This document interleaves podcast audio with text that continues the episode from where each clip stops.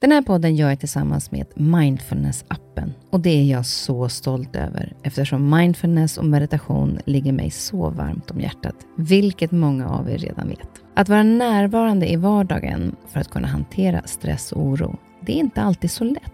Då kan man ha mindfulness-appen nära till hands för att hjälpa dig när du behöver. För mig kan det vara så till exempel när det gäller sömnen, att vissa dagar då har jag riktigt svårt att komma till ro. Framför allt när det är mycket med jobbet. Då brukar jag använda mindfulness-appen och avsluta dagen med en avslappningsövning för att sänka stressnivån. Det gör det så mycket lättare för mig att somna sen. Oavsett om du kämpar med sömnlöshet, stress eller bara behöver en stund för dig själv så har Mindfulness-appen verktygen för att hjälpa dig att slappna av och sova bättre. Appen är utformad för att passa in i din livsstil med korta övningar som passar även de hektiska schemana. Som lyssnare till Nyfiken på så får ni 40% rabatt på prenumerationen av Mindfulness-appen. Länk till erbjudandet ja, det hittar ni i poddens Instagram, kaspersen nyfikenpa. Eller så går ni in på themindfulnessapp.com kristin. Välkommen till min podd Nyfiken på. Här får jag chansen att möta människor som jag är nyfiken på utifrån deras historia, kunskap eller erfarenheter. Människor som jag inspireras av och förhoppningsvis kan vi med det inspirera er. Och om ni gillar avsnittet får ni jättegärna dela det så fler får chansen att lyssna och det ger mig också möjligheten att få spridning på podden så att jag kan fortsätta länge att bjuda in människor till roliga och intressanta samtal.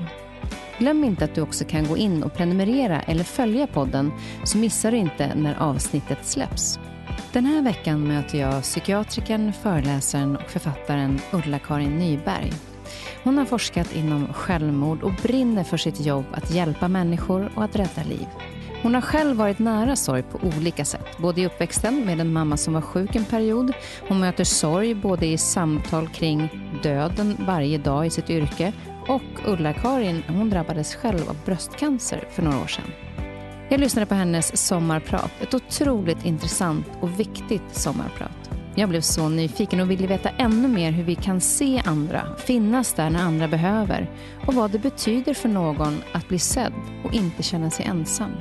Ulla-Karin har skrivit boken Konsten att mötas, från mingelångest till allvarliga samtal och det har hon gjort tillsammans med Stefan Einhorn och Kattis Ahlström. Det kommer vi också prata om, vikten av att vi möts, att vi ses och att vi alla är olika hur hanterar vi möten som vi kanske inte vill vara i?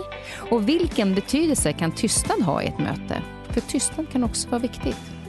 Jag trollbands av samtalet med Ulla-Karin. Hon är klok, varm och generös. Och hon delar med sig av så många tips hur vi ska hantera olika situationer eller möten oavsett det handlar om sorg, ensamhet eller mingel. Och hon säger att det är okej okay att skratta även om det är jobbigt. Det är till och med viktigt.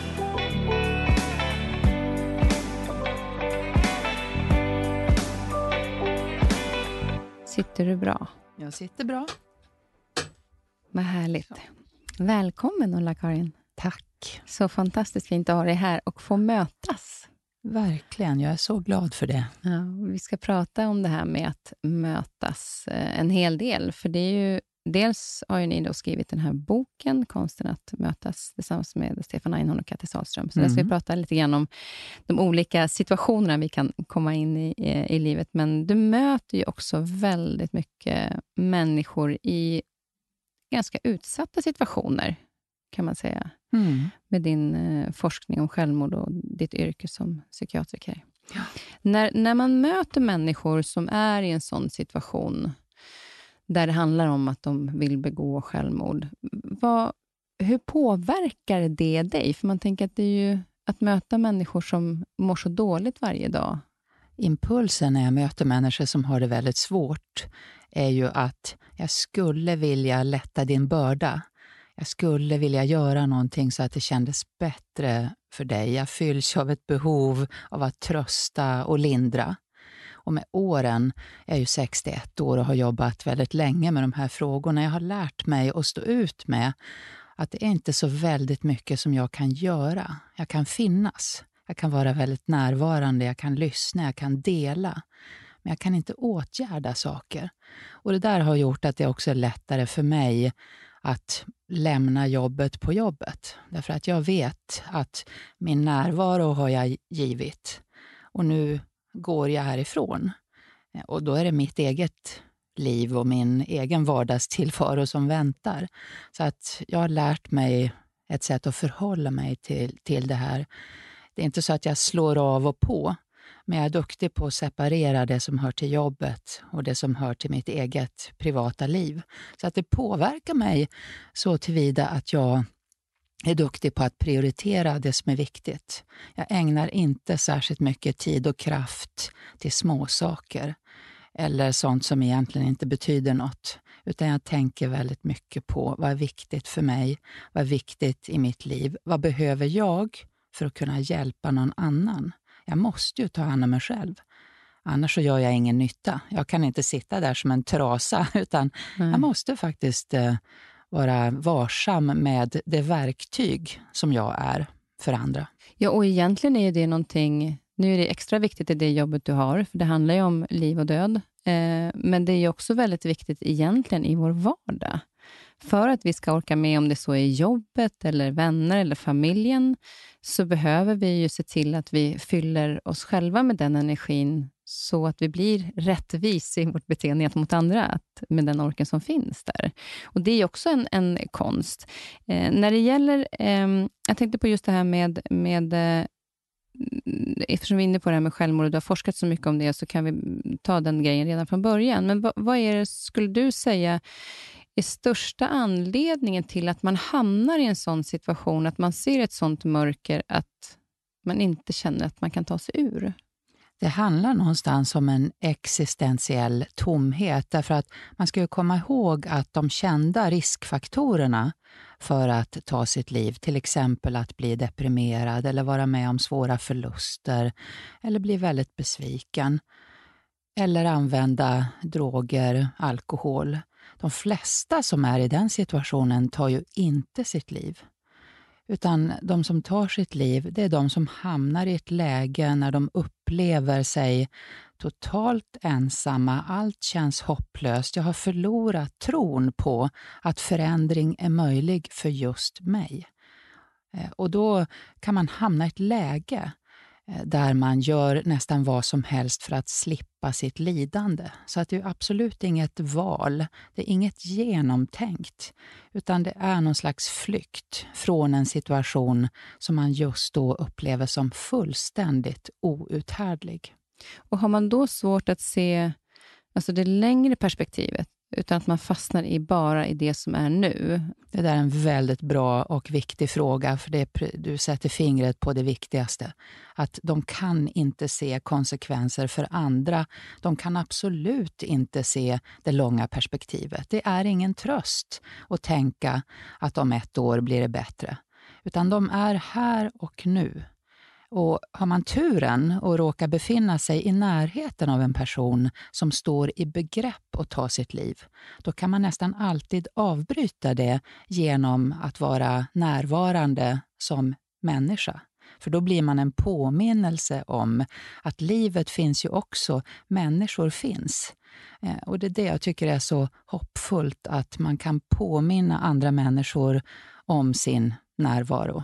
För det är egentligen det som behövs. Du behöver inte säga till dem vad de ska göra eller någonting. För det kan jag uppleva ibland att oavsett om det, nu handlar det om ganska allvarliga situationer, men om vi möter även människor som ja, men mår dåligt på jobbet eller kanske går igenom en separation och man vet inte vad man ska säga. Ska jag uttrycka mig någonting? Ska jag låtsas som att ingenting har hänt tills de själva pratar om det? Alltså den här osäkerheten som medmänniska när man vill finnas där men vet inte hur man ska göra som du sa nu, möter man någon där man ser att, att någonting på det sättet är så pass fel, att det är på väg att gå åt helt fel håll, att man blir sedd. Men bara att man kommer in i ett rum och, och man vet att en person mår jättedåligt. Kanske har då någon, någon i familjen har dött till exempel. Vad, vad ska vi göra då som medmänniskor? Jag tycker det bästa i ett sånt läge när man känner sig osäker, det är för det första att acceptera att man är osäker att det är någonting mänskligt och också fint i det. Därför att vi vill ju att det ska bli bra. Vi vill att det ska bli rätt. Men inte låta det hindra mig från att faktiskt agera. Och går man till sig själv i ett sånt läge och så ställer man den enkla frågan Om jag till exempel hade mist en kär anhörig och så kom jag till arbetsplatsen, hur skulle jag vilja att mina kollegor betedde sig? De flesta kan ju svara på den frågan. Och så gör man så. Eh, och gör det väldigt enkelt. In, tänk inte att nu måste jag säga någonting jätteklokt och fint, utan visa bara att du ser och säg någonting enkelt av typen “Jag har tänkt på dig” “Jag finns om du vill prata” eller “Vad roligt att du är tillbaka, jag har saknat dig”. Du ska veta att jag finns för dig. Ja, det finns så många enkla fraser som är djupt trösterika för den som befinner sig i en svår situation. Eller att säga, du ser lite ledsen ut. Hur är det med dig? Mm. Eller, jag har också mått dåligt. Jag tycker jag känner igen en del utifrån min egen situation. För där är också en grej som jag tänker på. Ibland så kan man då tänka utifrån sitt eget perspektiv. Men säg att jag då kommer in och eh, hade jag varit i situationen själv kanske jag säger, hoppas ingen pratar med mig, för idag är ingen bra dag.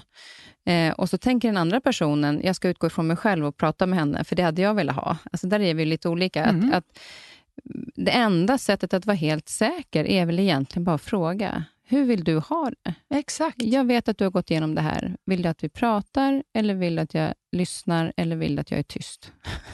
Och det värsta, man kan ställa frågan, vad är det värsta som kan hända? Mm. Om jag ställer en sån fråga, hur vill du ha det? Ja, jag mm. kanske blir avvisad. Mm. Det är väl det värsta som kan hända. Gå härifrån, jag orkar inte. Tål jag det? Mm. Ja, troligen.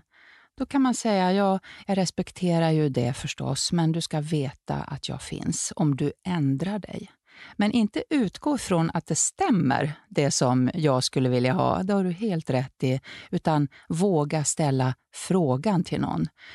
Därför det värsta är ju alltid att bli ignorerad. Där tror jag vi är lika, vi människor. Det är mer som förenar oss än som skiljer oss åt när det gäller det här grundläggande, det existentiella. Mm. Att bli ignorerad när man har det svårt. Känslan av att livet fortsätter som vanligt för alla andra, men inte för mig det är aldrig bra. Utan man behöver bli uppmärksammad på något sätt. Man vill inte vara ensam. Man vill inte vara ensam mm. och utesluten. Det finns tusen sätt att uppmärksamma någon. Man kan skriva ett kort, man kan skriva ett, ett sms, man kan köpa en mm. blomma och sätta på skrivbordet. Man kan köpa extra fint kaffebröd. Ja. Alltså, det finns så enkla saker eh, som man kan göra. För alla vill verkligen inte prata. Det finns massor med människor som som vill eh, separera arbete och, från sorgen till exempel, för man vilar. Ja, men eh. precis. Och jag vet när, när mamma gick bort, då var det ju väldigt många som visste, alltså, då kom det ju väldigt många människor fram. Och jag uppskattade det. Jag trodde att det skulle vara jobbigt. Innan, så här, långt innan tänkte jag att den dagen hon går bort, gud vad jobbigt det kommer bli. Jag kommer inte få vara själv i min sorg och alla ska prata om henne. Och när det väl skedde så tyckte jag att det var otroligt fint att så många kom fram, för det kändes som att hon var här. Folk pratade om liksom, hur fin hon var och många grät. Jag fick trösta. Eh, och Det gick jättebra i ett år. Eh, för det var precis det jag behövde. Och Sen kom det till en punkt där någon sa, jag förstår hur du känner, för jag saknar också henne. Och Jag tänkte bara, du förstår inte alls. Därför att jag sörjer min mamma och du sörjer Lill-Babs. Och Då blev jag nästan irriterad. Och Då kände jag också så här, fast gud, jag har ju signalerat också att jag tycker om att folk kommer fram och pratar. Men nu är jag på en annan plats. Då är det också viktigt för mig att tala om att jag kanske behöver vara själv nu med min sorg Eh, jag uppskattar att ni uppskattat mamma, men om jag inte är redo för att prata, så, så är det därför. Skrev jag då till exempel på Instagram. För då hade jag tidigare sagt att vad fint det är att ni kommer fram. Och då är det klart att man uppmuntrar folk i det. Men ibland kan man ju också ändra sig. Och Det där är en jätteviktig sak. Vi är lite dåliga på gränssättning och vi känner oss kanske avvisande och elaka om vi talar om vad vi behöver. Men det här att kunna säga det, jag uppskattar din omsorg, men just nu orkar jag inte. Jag vill prata om någonting annat. Mm. Jag jobbar med bröstcancer och det är väldigt många patienter som berättar det för mig. Alla frågar om detaljer och de vill titta titta på mitt bröst och hur, på ärret. Och, och jag vill inte visa, men, men jag känner mig så elak. De vill ju bara väl.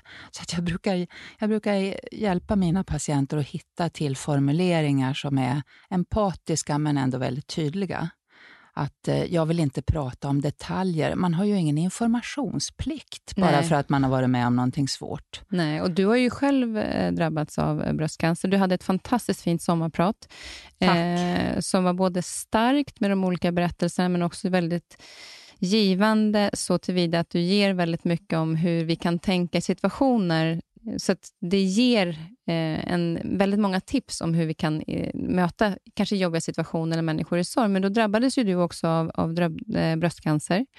Eh, och Du berättar ju om att du gick in och tänkte att nu ska jag lära mig någonting som patient. Mm. ja, men jag är väldigt nyfiken Mm. i alla situationer och särskilt i nya situationer och när jag är med om någonting som jag inte har varit med om tidigare eller när någon kan någonting som jag inte kan.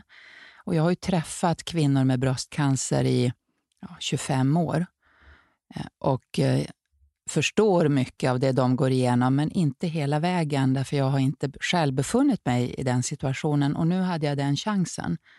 Eh, och då passade jag på att lära mig en massa saker och testa det jag brukar lära ut. Och inte alls utifrån att jag tänker att det var positivt att jag fick bröstcancer, för det tycker jag verkligen inte. Jag tycker jag hade helst sluppit, men när det nu ändå var så, så valde jag det förhållningssättet. Och jag, det lär man sig ju med åren, när man väljer ett förhållningssätt som sen kan förändras, men som är medvetet och tydligt för en själv, så underlättar det ofta, snarare än att det bara blir som det blir utifrån omständigheter och jag tappar grepp greppet om min tillvaro. Jag tappade aldrig greppet om tillvaron, för jag tänkte så mycket på det där. Hur vill jag göra? Precis som du säger. Vad passar mig och vad passar mig idag? Och Det är också det här tydliga, eh, tycker jag, att vad kan jag påverka och vad kan jag inte påverka? Just det. Alltså att jag har bröstcancer, jag, jag kan inte påverka Nej. det, för det har skett. Mm. Eh, att inte lägga fokus i liksom varför jag eller vad jobbigt det här är, utan att du hittar ett förhållningssätt där du kanske säger, kan jag lära mig någonting, kan jag förändra någonting i mitt jobb sen eller så. Mm. Att det finns en, en framåtrörelse också. Ja, och det är de här prioriteringarna mellan det som går att påverka, det som inte går att påverka. Det som handlar om mig, det som handlar om andra. Eh, hittar man en balans där så underlättas väldigt mycket i livet av det. Vad var det viktigaste du lärde dig under den tiden? Ja, det var det här med små omsorger. Eh, Jag har undervisat och föreläst om små omsorger i alla år, hur betydelsefullt det är hur man i ett ögonblick eh, kan hjälpa en annan människa. Det behöver inte ta tid. Och att det spelar så stor roll hur man förhåller sig till andra och särskilt när man träffar någon som har det riktigt svårt. Därför att det syns ju aldrig på utsidan. Så att man kan ju lika gärna passa på att vara vänlig när man har chansen snarare än att unna sig ovänlighet. Och det där fick jag så många exempel på själv. Vilken skillnad det gör hur människor förhåller sig till mig. Att eh, de kan inte se på mig att jag går igenom någonting väldigt svårt. Men om de ler vänligt, om de håller upp dörren, om de säger någonting. Eller som en undersköterska gick igenom ett kirurgiskt ingrepp eh, och hon assisterade den som utförde ingreppet. Och när hon inte hade något att göra, eh, då stod hon och strök med sitt finger över min hals. Och det är ju det är en sån åtgärd som inte passar alla förstås, men hon hade förstått att det passade mig. Och det var, jag var så fokuserad på detta finger så att allting annat försvann. Och Sen var jag liksom uppfylld av det hela den dagen. Den enorma vänlighet och omsorg som hon visade mig genom sin närvaro. Så sånt samlade jag på.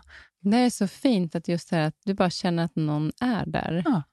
Måste, ja, Ja, den, hon var det, absolut närvarande. Hon sa ingenting. Jag minns inte hur hon såg ut, men jag minns det där fingret Mm. som liksom förankrade mig i någon gemenskap. Så det är ju inte så mycket egentligen vi behöver göra stora saker vi behöver göra för att visa människor att vi finns där. Jag tänkte på just det här med, med eh, självmord, för jag hade en, en eh, tjej som heter Hanna Sadi, som är mental coach, bara några avsnitt sen. En mörk historia, men, men som vände och blev väldigt, väldigt fin. Men hon ville ju ta sitt liv och eh, där var det just ett pensionärspar hon ville göra i Thailand, ett pensionärspar som hon hade träffat på hotellet några dagar innan. Och hon planerade det här jätteväl eh, som hon hade umgåtts med en del, men sen bytte hon hotell och kommer sen till en solnedgång där hon har bestämt sig för att här ska jag eh, ta mitt liv. Och då kommer de gående från ingenstans. Um, så jag gick och köpte mina saronger för jag hade bestämt mig för att hänga mig själv. Och när jag håller på i och hänger upp de här sarongerna i trädet i kolsvart mörker så kommer det här pensionärsparet från ingenstans. Ja, ja det, det var... Är, det är så... Det är så... Jag finner inga ord för det, för det var verkligen en räddning. Och de märkte på det att det var någonting då? Oh ja. Dels frågade de varför jag var här själv. Och när de märkte att det var väldigt svajiga svar så började eh, kvinnan i det paret prata med mig för att liksom hålla igång konversationen medan mannen försökte liksom ta min mobil. Och I den stunden han tar min mobil så ringer min stora syster. Och Han pratar med henne och säger att vi tror att det är någonting som inte stämmer. Och Hon hade fått den magkänslan själv att det är någonting som inte stämmer med min syster. Det är därför jag ringer. Mm. Hade de inte dykt upp, hade hon inte blivit sedd där och då, så hade det ju inte varit som det är idag, förmodligen. Nej. Och nu väntar hon tvillingar, vilket är så himla fint på mm. hela den här historien. Men vikten av att, att vi behöver inte tänka så mycket på att vara duktiga i allting vi gör. Att säger jag rätt nu? Gör jag på rätt sätt? Jag vågar inte gå fram ifall jag gör fel. Hellre gå fram och fråga. Det är alltid bättre att göra någonting litet än att inte göra någonting alls. Mm. Alltid.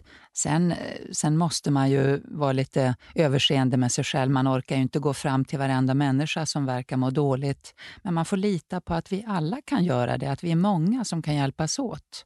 Ja, man behöver inte alltid egentligen må dåligt, utan har man en vänlig blick ja. så kan det betyda enormt mycket för ja. någon annan. Jag var ute och gick längs Djurgårdskanalen förra året när det var då som mest med corona och det var liksom jätteavstånden och det var liksom inte ens tanke på att vi skulle få en kram. Och det visste man ju inte att det skulle ta ett år eller mer än så innan vi fick det. Hon så ute och gick och eh, möter en kvinna på avstånd. Och så tittar hon upp på mig och ler. Och jag kände bara, det var som att få största kramen. Mm. För att man bara längtade efter att liksom se någon som ler och är en varm blick. Så det behöver ju inte, hon hade väl ingen aning om att den blicken har betytt så mycket för mig? Nej, troligen inte. Troligen inte. Det får man inte veta. Nej, men det är det man kan tänka på. Att mm. en vänlig blick kan betyda så otroligt mycket mer för någon annan. Eh, jag fick ett ordspråk för många år sedan som heter, som heter “Touch every life you can and leave them sublimely better by mm. that touch”. Mm.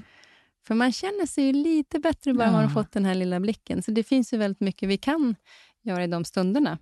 Och att låta bli att moralisera eller introducera lösningar på alla problem. För att det kan kännas ganska kravfyllt när man har det svårt, när man är väldigt ledsen eller besviken eller arg. Att någon talar om för mig vad jag ska göra för att känna på ett annat sätt. Mm. Låt mig känna som jag gör en stund, så får vi se sen vad som händer. Du får vara precis så ledsen som du är just nu tillsammans med mig. Jag kommer inte att tala om för dig att du är så stark och du kommer att klara det här och forskningen går framåt och det är klart att du kommer att bli frisk. Eller, utan jag, det behöver jag inte nu. Utan låt mig vara ledsen. Mm. Och då räcker det med att någon klappar lite. Eller ler vänligt eller står och lyssnar en stund. Det är så otroligt fint att det kan vara en sån, eh, sån liten grej som gör skillnad.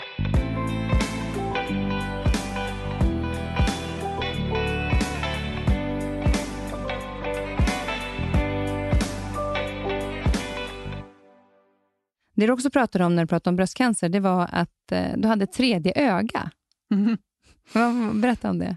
Ja, men jag, jag betraktade situationer utifrån.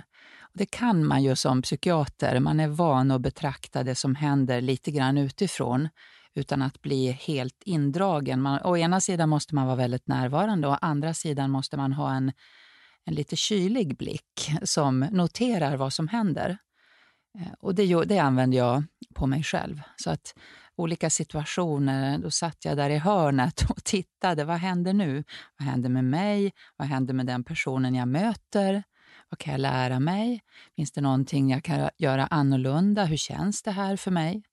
Sen Lite grann som helikopterperspektivet. Ja, kan... det, det, kan man kalla det. Och jag orkade ju inte alltid. Ibland orkade jag ingenting. Då var det, handlade det om, stå, om att stå ut.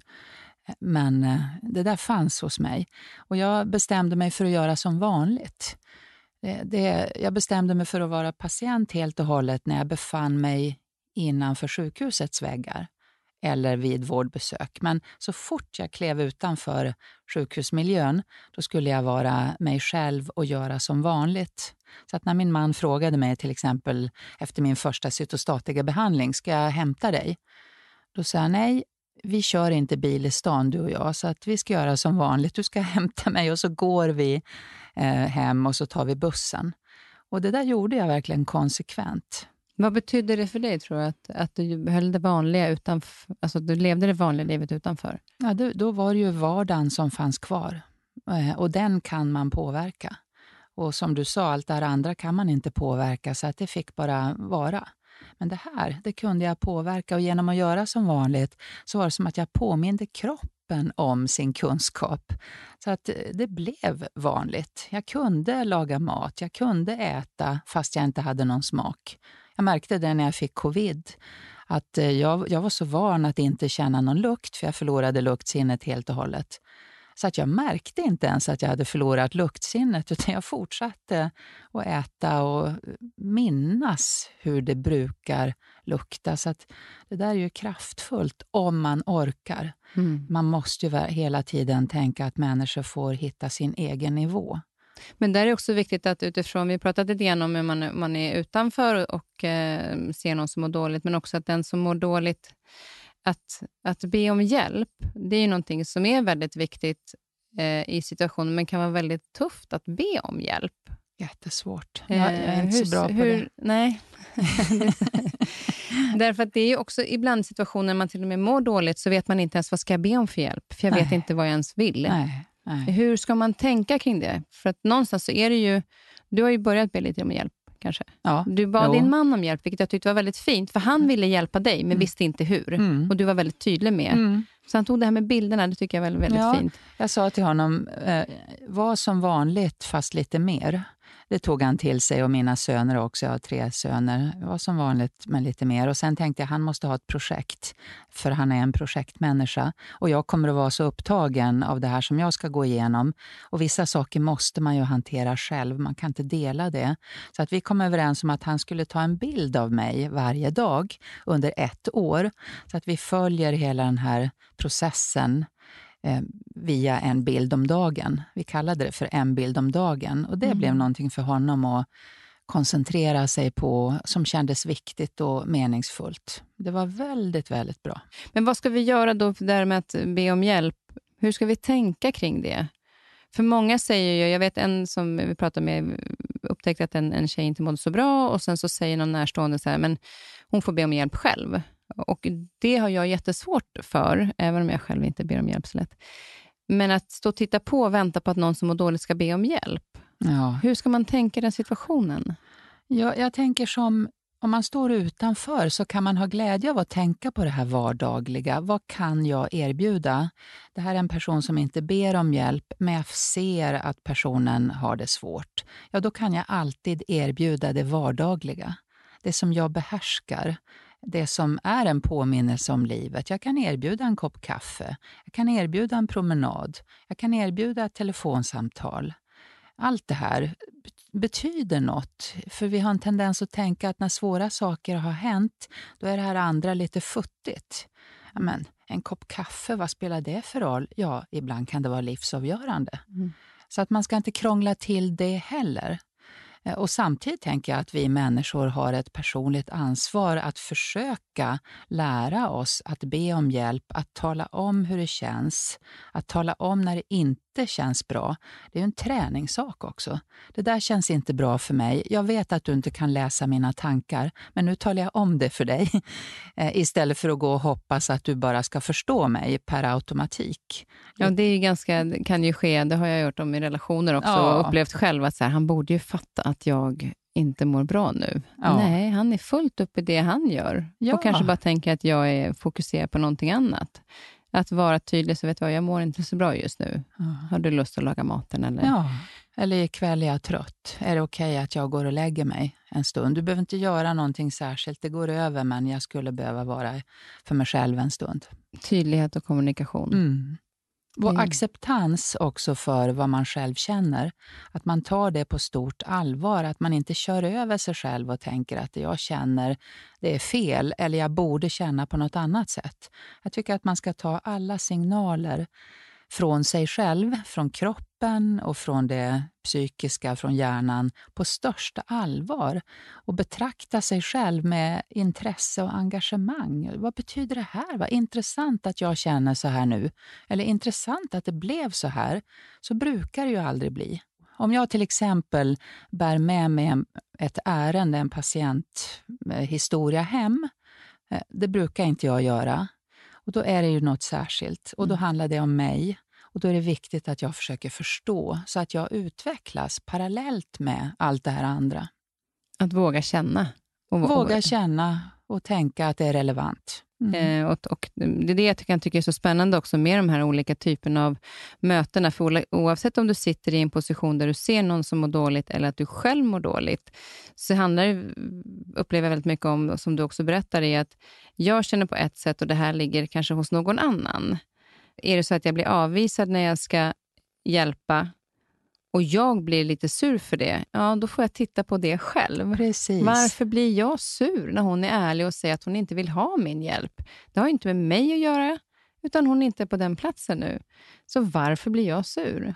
Det där, är så, det där är ju verkligen ett tecken på mognad när man har kommit dit hän att man kan tänka så. Jag, jag brukar försöka säga till mig själv när människor beter sig på ett sätt som jag inte uppskattar, att det handlar troligen ingenting om mig personligen, utan det handlar om dem. Och min reaktion handlar om mig. Mm. Och Det gör livet mycket lättare om man tänker så, istället för att man reagerar på allt som händer utanför mig själv. Ja, den är ju bra, för vi, har ju, vi reagerar ju på olika sätt beroende på vilka personer vi är och Ja. vilken erfarenhet vi har. Sen är vi ju inte mer än människor. Vi måste ju acceptera ibland att vi blir besvikna eller att vi blir sura eller att vi blir arga för att någon är otrevlig. Det måste man ju unna sig. Ja. Man kan ju inte gå omkring och vara sitt allra bästa hela tiden. Nej, och man kan kanske också bli ledsen om man inte får hjälpa till för att man så himla gärna vill. Ja. Och Då kan man bli lite ledsen över det, men tänka att då kanske de kommer tillbaka när de behöver hjälpen, för nu vet de att jag finns där. Ja, och det allra värsta om man mister någon man älskar genom självmord. Då tänker ju alla just på det sättet. Varför fick jag inte hjälpa till? Hade jag bara förstått eller velat, eller vetat, då finns det ingen gräns för vad jag hade gjort.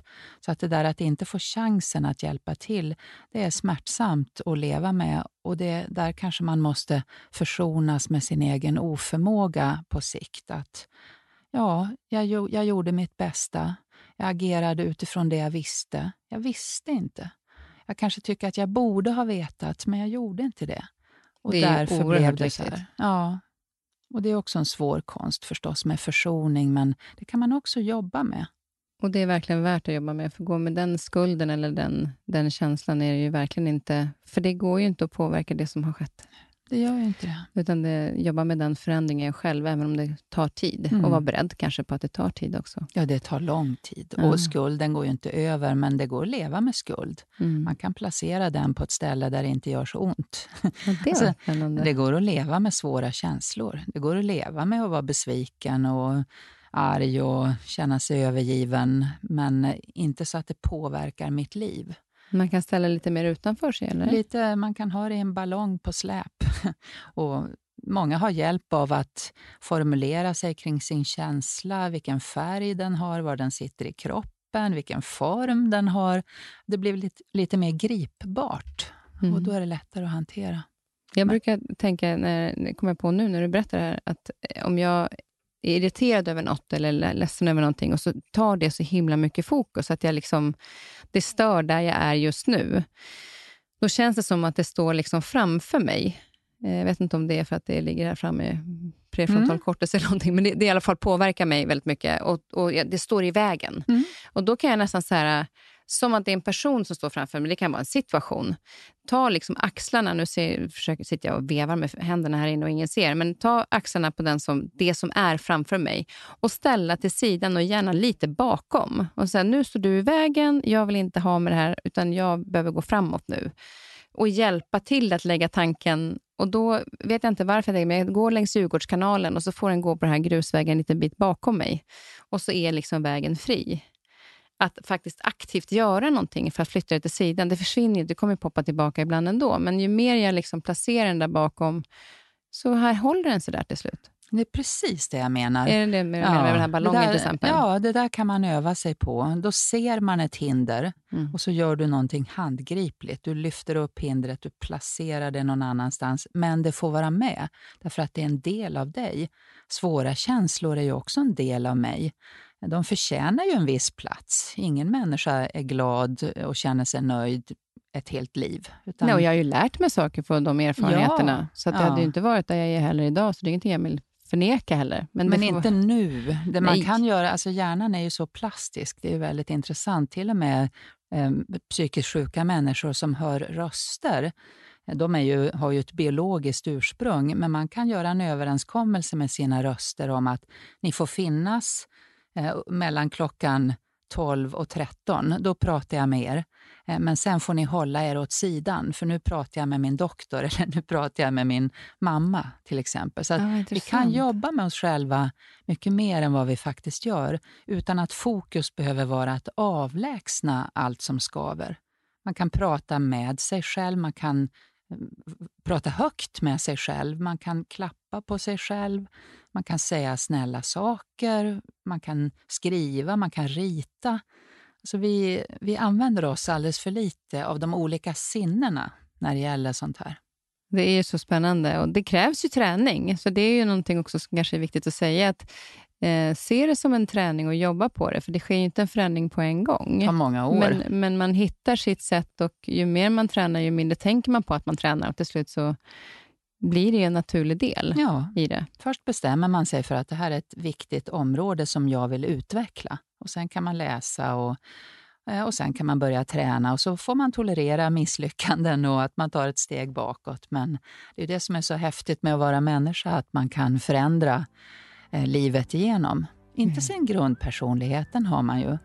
Men hur man beter sig, hur man förhåller sig, det kan man faktiskt förändra.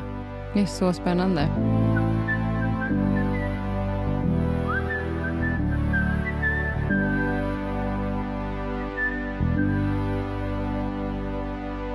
Nu när vi har varit inne och snuddat på det här med olika typer av möten, för när man tänker på den här boken då som ni har skrivit tillsammans, du, Stefan Einon och Kattis Salström, som heter Konsten att mötas.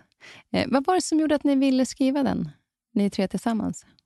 Ja, vi tre är ju väldigt olika sinsemellan, tycker mycket om varann och älskar möten på olika sätt. Vi har ju, Stefan är ju professor vid Karolinska institutet och, skri, och författare och föreläsare framförallt och Katti som journalist och programledare. Eh, och jag då med, med mina tra, sorgsna möten. Vi har tänkt så mycket på hur man kan mötas och hur man kan se till att ett möte blir bra. Både i det lilla och det stora. Och så började vi prata om det här och så föddes tanken på att skriva en bok. För att människor behöver lite vägledning. Det här är ju absolut inte en självhjälpsbok. Utan man får lite vägledning. Så här kan man tänka, så här kan man säga, så här skulle man kunna göra. På ett ganska vardagligt sätt. Den heter ju Från mingelångest till allvarliga samtal. Så att mm. vi, vi pratar om både det lilla och det stora. Och Det är det som jag tycker är lite roligt, för nu har jag ju bläddrat igenom den, eh, ert manus eh, och eh, tittat på lite olika kapitel. Och då, då, kan vi egentligen börja där du sa mingelångest. Eh, jag ska iväg på, nu kommer det här programmet, eller det här avsnittet kommer ju sändas om eh, några veckor, men jag ska på TV-Kristallen idag. Nu är det inte så mycket mingel, varken före eller efter på grund av coronan, men det kommer ju ändå möta människor. Och eh, jag har mingel är jag tudelad till. Jag kan tycka att det är supertrevligt eh, i vissa situationer och eh, jättejobbigt i andra. Och Det jag funderat kring är att när jag går på mingel, men går dit med några som jag, som jag tillhör, då har jag inga problem. Men till exempel nu på TV-kristallen så går jag dit själv i, i ja, egenskap av mitt yrke och tillhör ingen redaktion nu eller någonting. Så då blir jag ju, jag känner typ de flesta som är där, men jag har ingen tillhörighet. Och Nej. då tycker jag att det är mycket jobbigare. Det är det. Jag känner typ alla och kan prata med alla. Men, men vad är det som gör att vi hamnar... Alltså vad är det man kan göra i sådana situationer när man tycker att så här, jag, måste, jag måste inte gå på det här, nu gör jag det frivilligt. Absolut. Men om man säger att jag var tvungen att göra det för jobbets skull. Och så har jag den här känslan av att så här, nej men jag känner ingen tillhörighet. Hur ska jag klara mig igenom det här minglet? Ja, men jag, för det första acceptera att den här känslan är helt normal, därför att vi vill ju tillhöra en grupp. Och särskilt i ett sånt sammanhang så vill man inte stå ensam. Det finns ju sammanhang där man trivs med att stå ensam och känner sig helt bekväm med det, men det är inte ett sånt sammanhang. Så att acceptera det eh, och sen kanske leta rätt på någon som verkar känna som du, för de finns ju. Det finns ju alltid människor som står och skruvar på sig och, så blir, och du är öppen och har lätt för att prata, då kan man ju gå fram till en person och säga det. Jag tycker det här känns så himla jobbigt, för jag har gått hit själv Eh, och jag vet inte riktigt hur jag ska göra nu. Så att, att man kan bekräfta sin egen upplevelse inför någon annan, som då med all säkerhet kommer att säga ja, så tycker jag också. Och då börjar ni prata. Så det är ju ett sätt. Eller också kan man ju söka sig till en gruppering där man känner människor. Där man vet den här personen är vänlig och intresserad och går jag dit så kommer det att bli ett samtal. Och då kan jag också säga att eh, nu är jag här själv, så jag hänger med er här. Är det okej? Ja, men Jag bjuder in mig själv lite grann och inte Ja. vara så rädd för det. Ja. Jag tycker det känns lite jobbigt att stå själv, så är det okej att jag står bredvid er. Ja. Mm. Ingen blir ju besvärad av det, utan tvärtom. Då tycker jag, men självklart, kom här Kristin, stå med oss. Och så. Ja, och så är det ju ofta. Men Ja. ändå finns den här... Alltså, om jag ska säga det, att, att, att man ändå håller sig tillbaka. För att jag ska inte, de kanske har ett samtal om sin säg, tv-produktion. Nu, nu, nu blir det jämför med, med Kristallen, men det kan vara andra situationer. Men, men att man går in i deras gemenskap som de har i sin grupp av, av vänskap. Nu är ju alla väldigt trevliga, så det kommer inte vara något problem. Men ibland kan man nästan känna sig mer ensam i ett mingel bland människor man känner om du går dit själv, eller bekant Ja. med, ja. än när det är nya Ja. Bekantskaper, kan jag känna. Varför, varför blir det så? Ja, men vi skäms ju över de här obekväma känslorna. Det är som att vi tänker att jag borde egentligen inte känna så här. Eh, och jag borde absolut inte tränga mig på eller störa någon annan. Den här rädslan för att, för att störa eller eh, påverka någon annans integritet, den sitter ju också väldigt djupt rotat hos oss. Man vill verkligen inte tränga sig på i den svenska kulturen. Och det är också, man måste ju jobba med det. Utifrån utgångsläget att om jag känner så här, så är det troligt att många andra känner likadant. Mm. Så unik är man ju inte när det gäller såna här saker. Nej, Utan man är faktiskt som de flesta. Precis. Och jag tänkte faktiskt på en grej som du skrev som jag tyckte också var väldigt bra. Att hitta de personerna som du känner du redan vet en del om. Du vet deras intresse så att man inte bara behöver stå och prata om att det regnar ute idag, vad tråkigt det är. Utan att man kan gå in och säga, hur går det med dansen? Eller Ja. med, så att man hittar ett samtal på en gång. Där Ja. Det är alltid lättare när man vet någonting om varann eller vet att man har någonting gemensamt. Mm. Och Det där blir mycket lättare om man accepterar då att jag känner mig obekväm med att stå själv.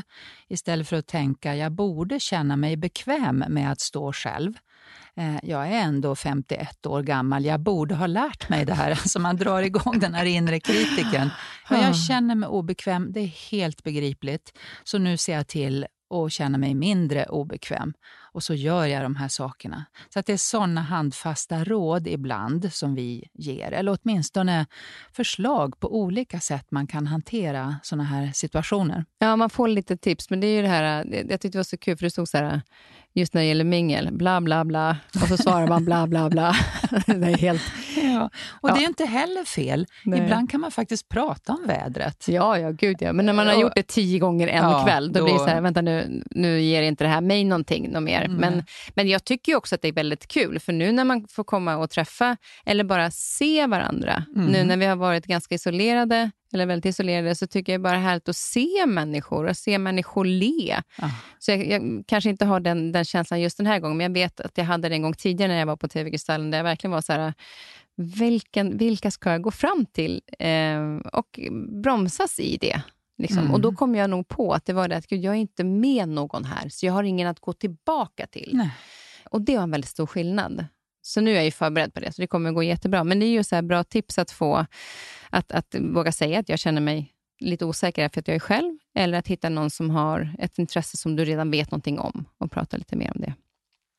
Eh, möte i tystnad tänkte jag att vi, och det har vi varit lite inne på, men jag kan tycka att eh, ibland beroende på var man är någonstans. Men, men att tystnad kan vara så otroligt eh, viktig, för vi orkar inte alltid ibland prata om saker. Du visade det här exempel med, med, med fingret mot halsen, men jag upplever att det är många som också är rädd för tystnad. Mm. Det måste man också öva sig på. Jag, jag har ju genom alla år fått öva mig på tystnad, att vara, lite, att vara tyst lite längre än vad som känns bekvämt och lita på att tystnaden kan bli konstruktiv. Att vänta in.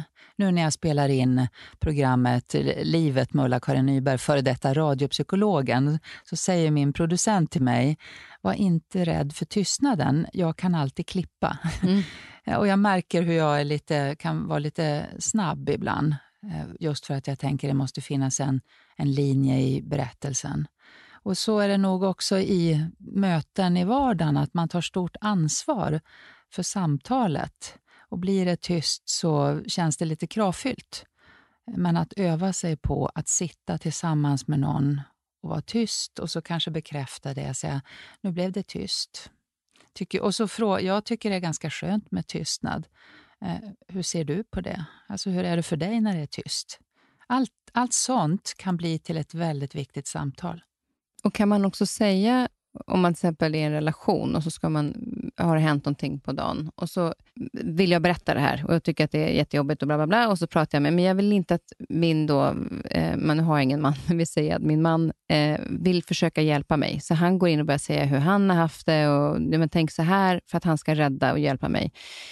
Jag kanske bara vill att han är stängd mun, två öron, lyssna bara. Jag vill bara prata av mig är det där väldigt tydligt, att, viktigt att man också är tydlig med det. Så här, nu vill jag bara att du lyssnar. Jag har bara ett jättebehov av att prata.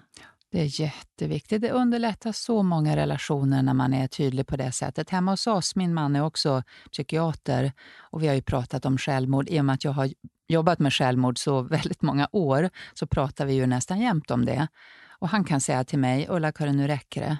Mm. Nu har jag fått höra nog om självmord och han är chef och jag kan säga till honom, nu, nu räcker det med chefsstrategier. Nu måste, jag, nu måste det vara tyst ett tag. Eh, och har man den tryggheten med varann så underlättar det så mycket. Ja, för jag kan koppla tystnad till trygghet väldigt mycket. Oh ja, att oh känna att, eh, vi brukar säga det, jag med kompisar som också lever själva, att vad skönt en dag man bara kan sitta bredvid någon i soffan och att någon bara är där. Mm. Eh, men man behöver inte prata eller att eh, ligga i sked och kolla på en film, men det är bara tyst. Att det, den tystnaden är så viktig också, att man får vila i den. Mm.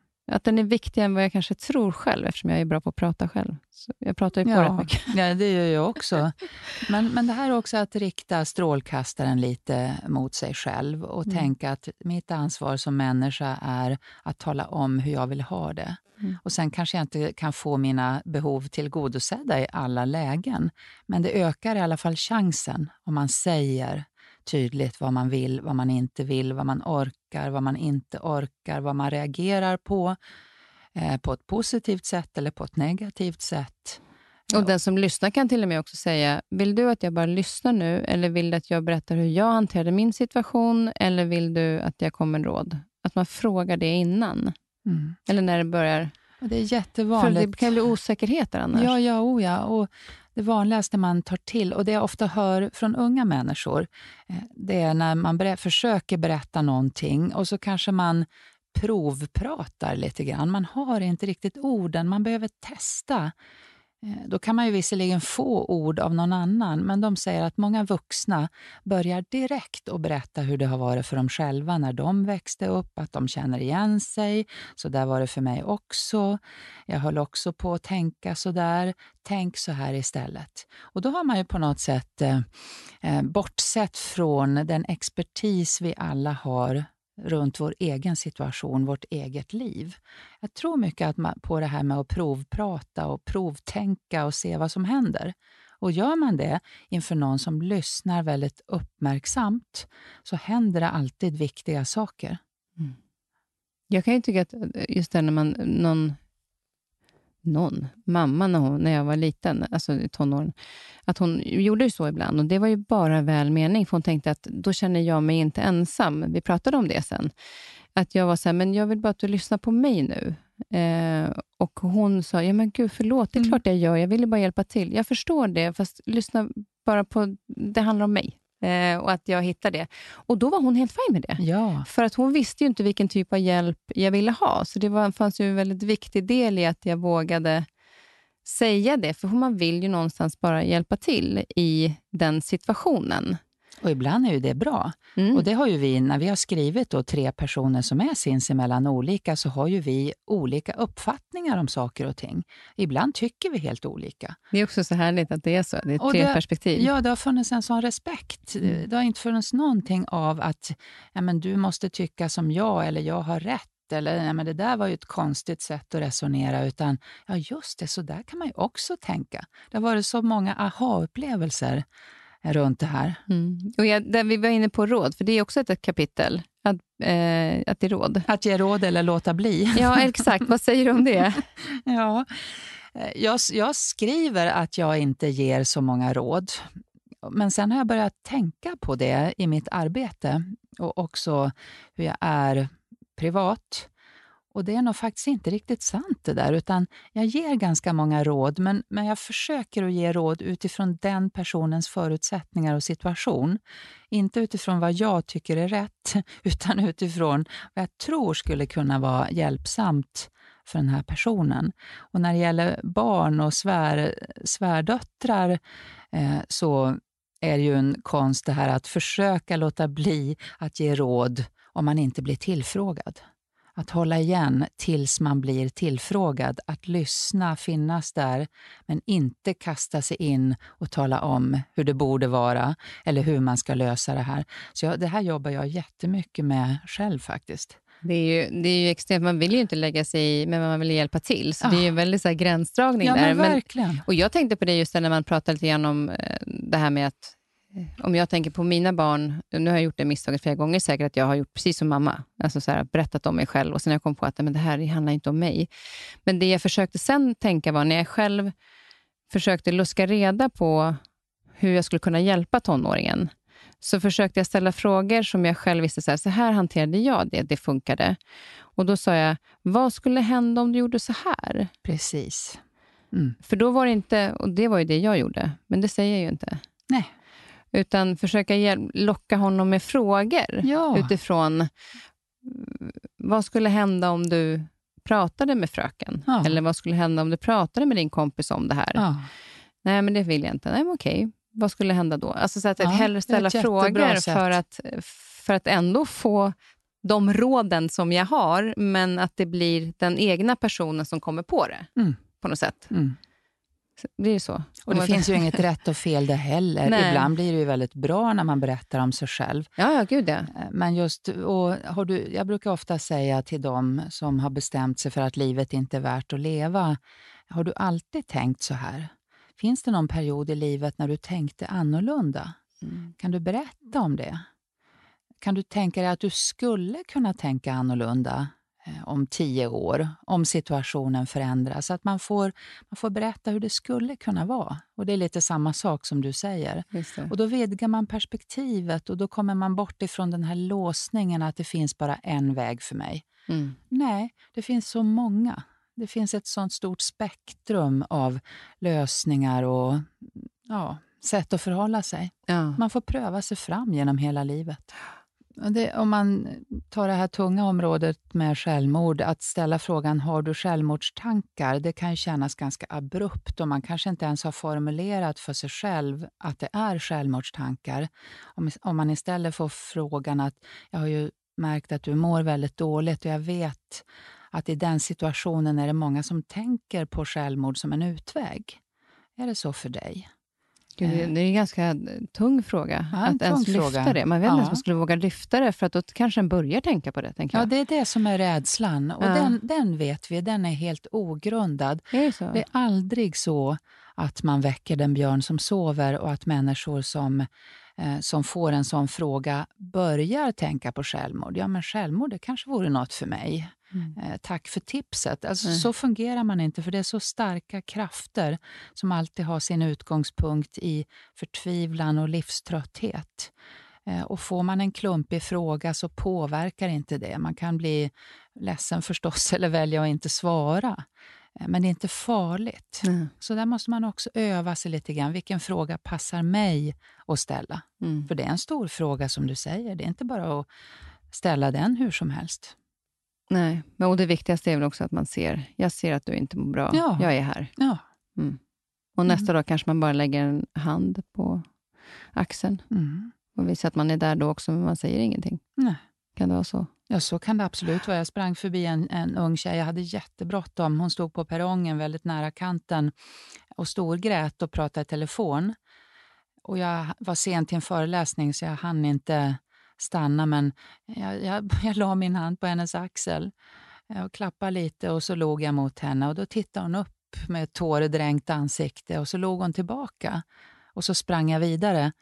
Eh, Och det kan vara tillräckligt, jag har ju ingen aning om. Hon kanske bara hade bråkat med sin partner, vad vet jag. Men du är inte ensam. Nej. Vi finns här, vi ser dig. Mm. Vi har också känt som du. Det är inget konstigt. Och bara det att man blir sedd. Mm. Mm.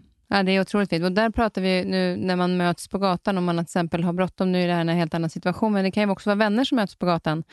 Eh, och så har man lite bråttom, inte riktigt hinner prata. Hur hanterar vi de där situationerna? För det springs ju en del nu på, runt omkring till olika möten. Och så Ja. kanske någon har behov av att prata och någon hinner inte. Jag fick ett så jättebra tips av en kollega. Hon sa om man, får, man ställer kanske frågan lite slentrianmässigt, hur är det? Och så förväntas man sig svaret bra. Men om jag då inte mår så bra, att man istället svarar, ehm, har du en kvart? och då kan den som har frågat säga, nej inte nu, för jag har bråttom till ett möte. Eh, men imorgon kan vi ses. Just det. Alltså att man inte behöver svara slentrianmässigt. Man kan unna sig och tänka efter en liten stund. Vad vill jag svara här? Och Man kan också tänka efter lite grann innan man ställer de här slentrianmässiga frågorna. Ska jag verkligen ställa den till en person som jag ser inte mår bra? Ja. Kan, kan man säga då istället, hej, eh, jag har lite bråttom, jag ser att du kanske inte, inte mår så bra. Ja. Eh, jag har tio minuter, jag Ja. lyssnar jättegärna. Ja, Alltså, eller, oh, jag ja. har inte de här tio minuterna nu, men kan vi ses sen? Ja, och det är också någonting som många människor som är duktiga på att bjuda in människor som mår dåligt, inte minst unga, att det kan bli alldeles för mycket. Att känslan kan vara att jag måste finnas där dygnet runt. Eh, och hur ska jag hinna med mitt eget liv? Att man också där ganska tidigt tänker utifrån sitt eget perspektiv. Vad orkar jag? Vad hinner jag? Vad vill jag? Och så är tydlig med det. Jag önskar verkligen att jag hade mer tid. Men nu har jag tio minuter. Eller jag önskar att jag kunde prata med dig varje kväll. Men det funkar inte, för barnen behöver min uppmärksamhet. Eh, Så att man gör någon slags rimlighetsprövning. Annars är det ju lätt hänt att det blir för mycket och att man försvinner för att man inte orkar. Ja, Sen- och sen kan det ju vara eh, att man, man inte orkar själv, men sen kan det också vara att du möter en person på gatan som du känner varit nära kanske i många år, men som börjar stjäla energi. Ja. Alltså, har, du Ja. orkar inte ens prata med den här personen. Hur hanterar jag det då? Ska jag säga att jag har bråttom fast jag inte har det, eller vad gör jag? Ja, jag tycker vita lögner som inte sårar Mm. kan vara mycket värdefulla. Jag tycker inte att man alltid måste tala klarspråk och berätta precis vad man tänker och känner. Om man inser att det skulle såra den här människan. Ibland måste man ju vara tydlig. Om det är en viktig relation som man tycker stjäl energi och där man kanske till och med har kommit fram till att Nej, men jag vill inte fortsätta den här relationen. Det ger mig ingenting, det bara tar. Mm. Jag har själv en, en relation som, en vänskapsrelation som tog slut efter väldigt många år av det skälet. Att det, det fanns liksom ingenting kvar. Eh, Och det måste man våga. Men lät du det rinna ut i sanden då, eller tog du det samtalet? Nej, jag att- tog faktiskt. Det var en sån Mm. viktig relation, så att den, det samtalet tog jag. Hur var det? Ja, det var sorgligt. Mm. Det blev inte så bra. Det, vi har känt varann hela våra vuxna liv. Eh, Och det var väldigt sorgligt. Jag tycker att det borde ha kunnat bli ett bättre avslut. Mm. För jag, jag tycker inte att det är så konstigt att relationer tar slut. faktiskt. Det, man, man, som du, du pratar ju om rörelse framåt och man rör sig på lite olika sätt och vid olika tidpunkter. Ja, verkligen. Men att försöka behandla varann respektfullt till slutet, det är mycket begärt, men Men då, mm, på något sätt har man väl ändå gjort det man har kunnat mm, eh, i det läget? ja, det var, Eh. så kom jag, jag kom fram till att jag har gjort det jag har kunnat och mer än så här kan jag inte. Nej. Och då får det vara så. Och då är det en av de grejer man ställer lite bakom sig. Ja. Ja. Det finns fortfarande kvar, men det Ja. står lite bakom. Mm.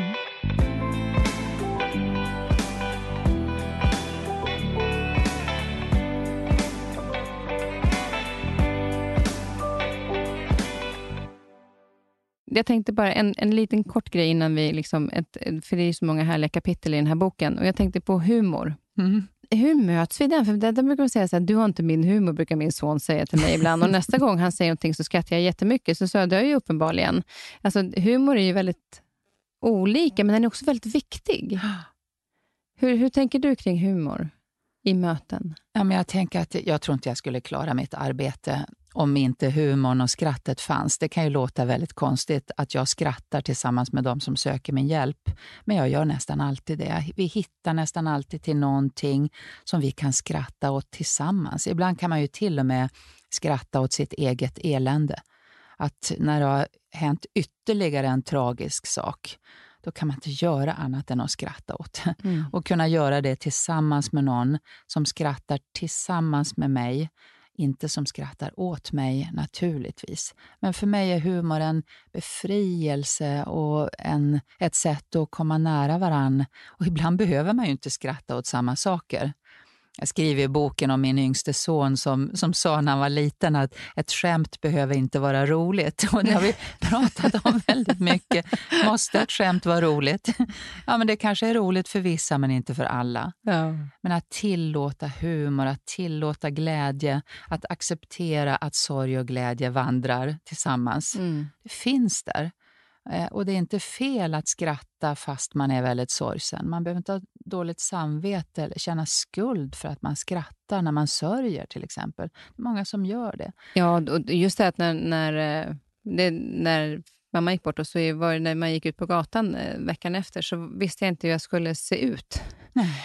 För att jag kanske kände mig lite lättad den dag och någonting annat roligt hade hänt så att jag var glad och då var jag rädd att de skulle tro att gud, är hon glad i sorgen? Alltså så att man blir Precis. Men, men det här med humor tycker jag är så himla, var så himla härligt. För, eh, när jag gjorde Cancergalan för flera år sedan så var det inte härligt att min, en av mina närmsta, närmsta vänner fick bröstcancer. Men det skedde då under den perioden som hon var under eh, behandling. Hon skulle egentligen komma och titta på galan. Men eh, hon låg hemma på, på soffan och hon har ju världens underbaraste humor. Alltså hon skämtade om det där hela tiden. Så precis innan jag går in på scenen så får jag liksom ett sms som slutar med från hon som ligger fast som en karborre i kudden. För att håret var, det var så vasst på huvudet. Eh, och då blir det att jag liksom skrattar. Att hon hela tiden höll humorn. Eh, vilket gör att det blir också lättare för mig att skämta och komma med liksom, få henne på, hålla upp henne när hon behövde det. För att hon hade hela tiden humor. Hon sa, om inte jag skämtar Kristin kommer jag aldrig överleva det här. Nej.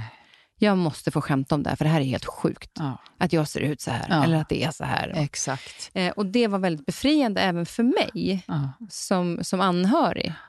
Jag tänker också där kompletterar vi varandra. Det finns vissa vi kan skratta med, andra vi kan gråta med. Och Man kan inte få allt av en och samma person. Man kan söka sig till humor och man kan söka sig till människor man blir glad av när man har det jobbigt på olika sätt. Det är ett sånt här råd som jag ger. Prata med någon du tycker om, prata med någon som ger dig energi. Prata lite oftare med den personen eller den du kan skratta med. Sök dig till den personen. Säg, jag behöver skratt just nu. För alla andra bara gråter och jag Ja. orkar inte med det. Sen ska man ju också vara medveten om att man kan ju skämta bort allting. Att skämtet och skrattet skrattet och humorn kan vara ett sätt att distansera sig från andra känslor. Så att eh, det gäller ju att ha med sig det man brottas med. Mm. Att man inte gömmer sig i humor därför att man inte vågar vara i det som gör ont. Nej, just det. Att inte att, tappa det. Nej, inte tappa det. Men man kan få tappa det ibland och man kan få vila sig från all sorts elände. Att få lite balans kanske? Ja, precis. Mm. Vi är tillbaka i balansen. Ja. Och det är ingen som tål att vara ledsen hela tiden. Nej. Och det är vi ju inte heller. Vi är inte konstruerade så, utan det, det skiftar ju i livet, hur mm. vi känner oss. Ja, livet är ju spännande. Det är spännande. Ja. Och Då tänkte jag faktiskt övergå till det här, gå över till det att eh, vad du är nyfiken på. Ja, ja, jag är ju nyfiken på människor. Det är mitt livs elixir. Och jag är så nyfiken på de här mötena där jag måste tänka vad ska jag göra nu för att nå fram? För att jag får ofta träffa personer där det har låst sig, där det har gått snett, där ingen annan har lyckats nå fram. Då brukar jag bli inkopplad. Mm. Eller när någon har varit ganska besvärlig. Jag tycker inte om ordet besvärlig, men någon uppfattas som aggressiv eller besvärlig på olika sätt. Och Då är jag så nyfiken på just det här, hur ska jag göra? För, hur ska jag hitta nyckeln? Mm. Det är till den här människans inre, för människors inre är ju så gott som alltid otroligt spännande. Du är helt klart på rätt plats där du är i ditt jobb. Att vara nyfiken på, på människor på det sättet, och sig själv, vilket jag tycker är väldigt ja. fint, att, ja. äh, att den balansen igen Nyfiken ja. på sig själv, att vi inte glömmer det. Ja, jag inkluderar mig själv. Ja, jag, jag, tänker liksom aldrig att jag är expert och du är patient. Mm. Jag tänker vi är två experter här. Vi möts runt någonting som vi båda är intresserade av på lite olika sätt. Och hur ska vi nå varann? Så att egentligen är det ju möten som är det jag är mest intresserad och nyfiken mm. på. Och där blir nyfikenheten i att du är nyfiken på hur du ska göra eh, med den, så ställa vilka frågor du ska ställa och hur du ska locka fram det där i den personen. Och nyfiken på dig själv, hur mm. du gör mm. i det. Just det. Så då blir det ju både och. Mm, det ja, det. Så himla spännande. Eh, boken heter?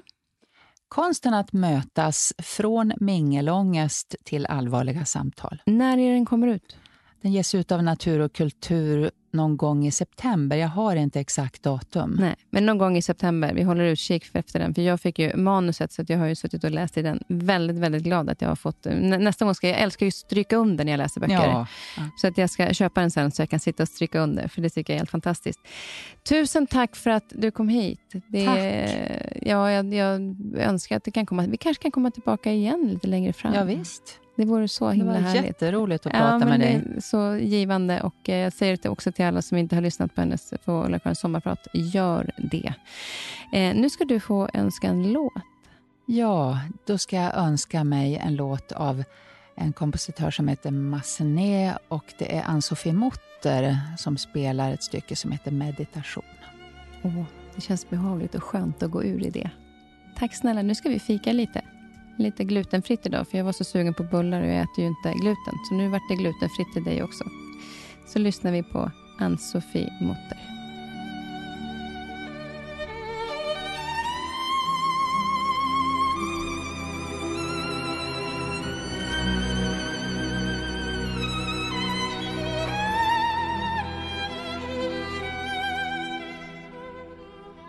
I nästa vecka möter jag min vän Katrin Kylberg som förlorade sin yngsta dotter i en hjärntumör efter att ha varit sjuk i tio år. Hur orkar man ens ta sig upp ur sängen när ens barn gått bort? Hur hanterar man sjukdomsperioden när man går så mellan hopp och förtvivlan? Hur påverkas relationen och hur räcker man till för de andra barnen? Och hur finner man mening i livet när det värsta händer?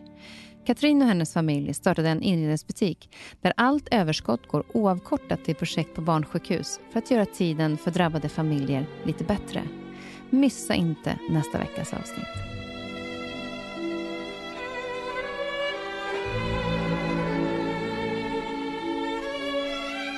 Den här podcasten är producerad av Perfect Day Media.